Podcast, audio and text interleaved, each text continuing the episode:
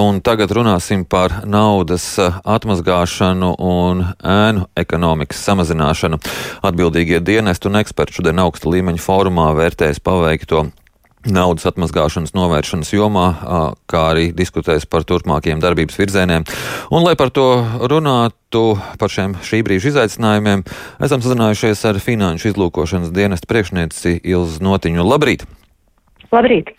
Vispirms vēlējos noskaidrot, kā pašreizējā situācija, karš Ukrainā, milzīgās sankcijas Krievijai, kā tas ietekmē jūsu darbu, kaut kas mainās finanšu noziegumu schēmās, plūsmās, intensitātē?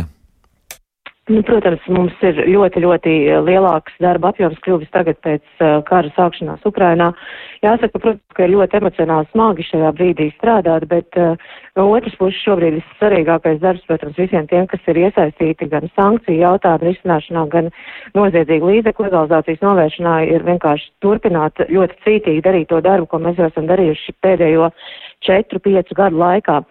Šobrīd uh, viens no svarīgākajiem laikam jautājumiem ir skaidri apzināties, kāda tad ir uzdevuma gan finanšu sektoram, iesaldējot kontus, kas pieder tām personām, kas ir sankcionētas, gan arī valsts iestādēm skaidri apzinoties, ka ir vesela virkni tādu objektu, kurus uh, finanšu institūcijas iesaldēt nevar. Piemēram, nekustamais īpašums, piemēram, jahtas, uh, lidaparāti, cita veida kustama manta.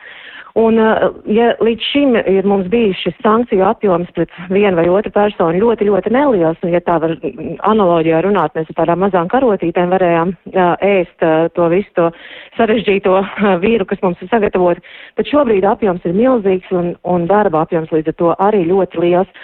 Bet ko es varu teikt viennozīmīgi ar to pieredzi, kāda mums ir bijusi, mēs esam daudz labākā situācijā kā daudz citas valstis, lai varētu tik tiešām ļoti precīzi piemērot sankcijas un neļaut uh, sankcionētām personām apietās.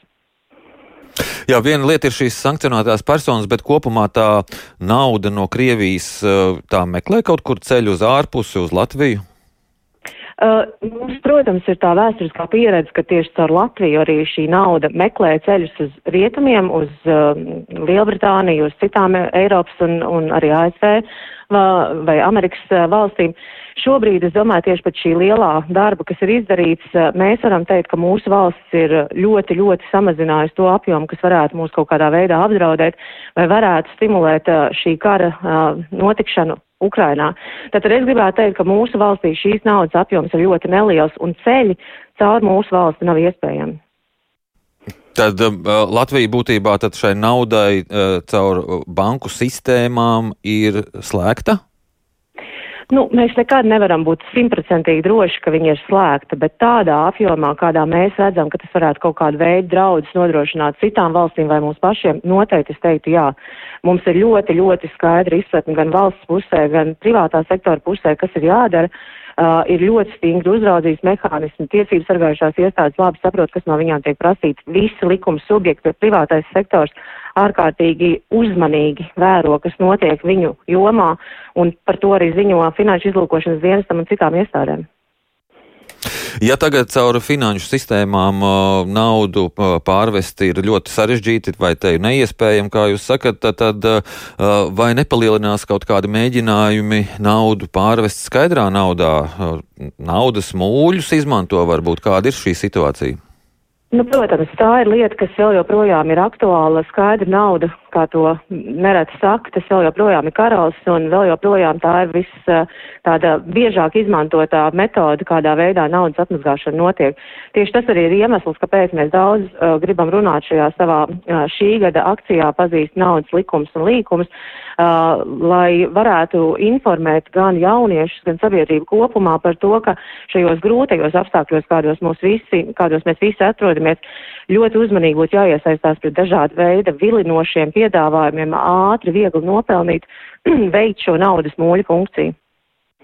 Bet kādas ir šīs būtiskākās krāpšanas schēmas un mūsu iedzīvotājiem no kā būtu jāuzmanās?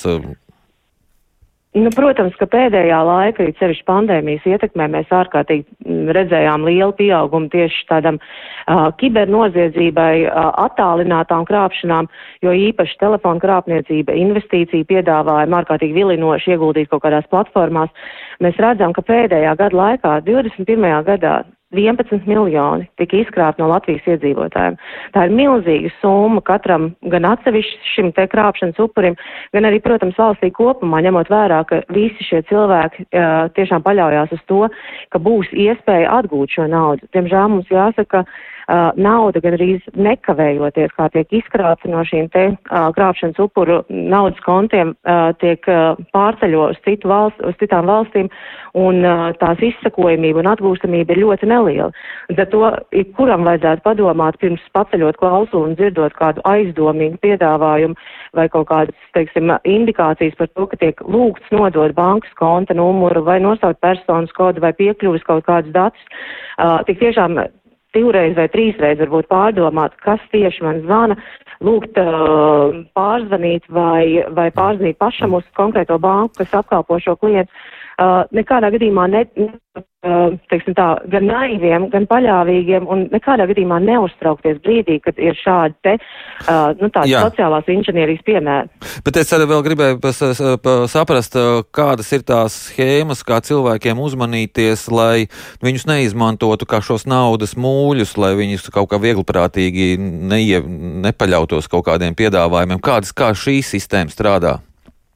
Nu, visparastākais veids ir atnākt kāds vairāk vai mazāk labs paziņa un piedāvāt cilvēkam ātri nopelnīt, nu, stāstot, piemēram, man brālim vajag pārskaitīt naudu, bet uh, viņam ir kaut kādi ierobežojumi, lai pārskaitītu visu šo naudu. Man, vai par izmantot tavu kontu, tu saņems 100, 200, 300 eiro. Un uh, iedodot tikai šīs konta detaļas un, sako, un tātad piekrītot, ka tajā cilvēka, konkrētā cilvēka kontā tiks ieskaitīta kāda naudiņa, kuru vēlāk vajadzēs izņemt skaidrā naudā un atdot šai te uh, piedāvājumu izteikušai personai, mēs jau saprotam, ka mēs esam nonākuši nopietnās problēmās. Jā, liels paldies jums par šo sarunu. Es atgādinu, ka mēs sazinājāmies ar Finanšu izlūkošanas dienas priekšnieci Ilzu Notiņu.